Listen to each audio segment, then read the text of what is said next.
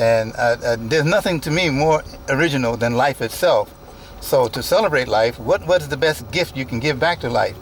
Try something original.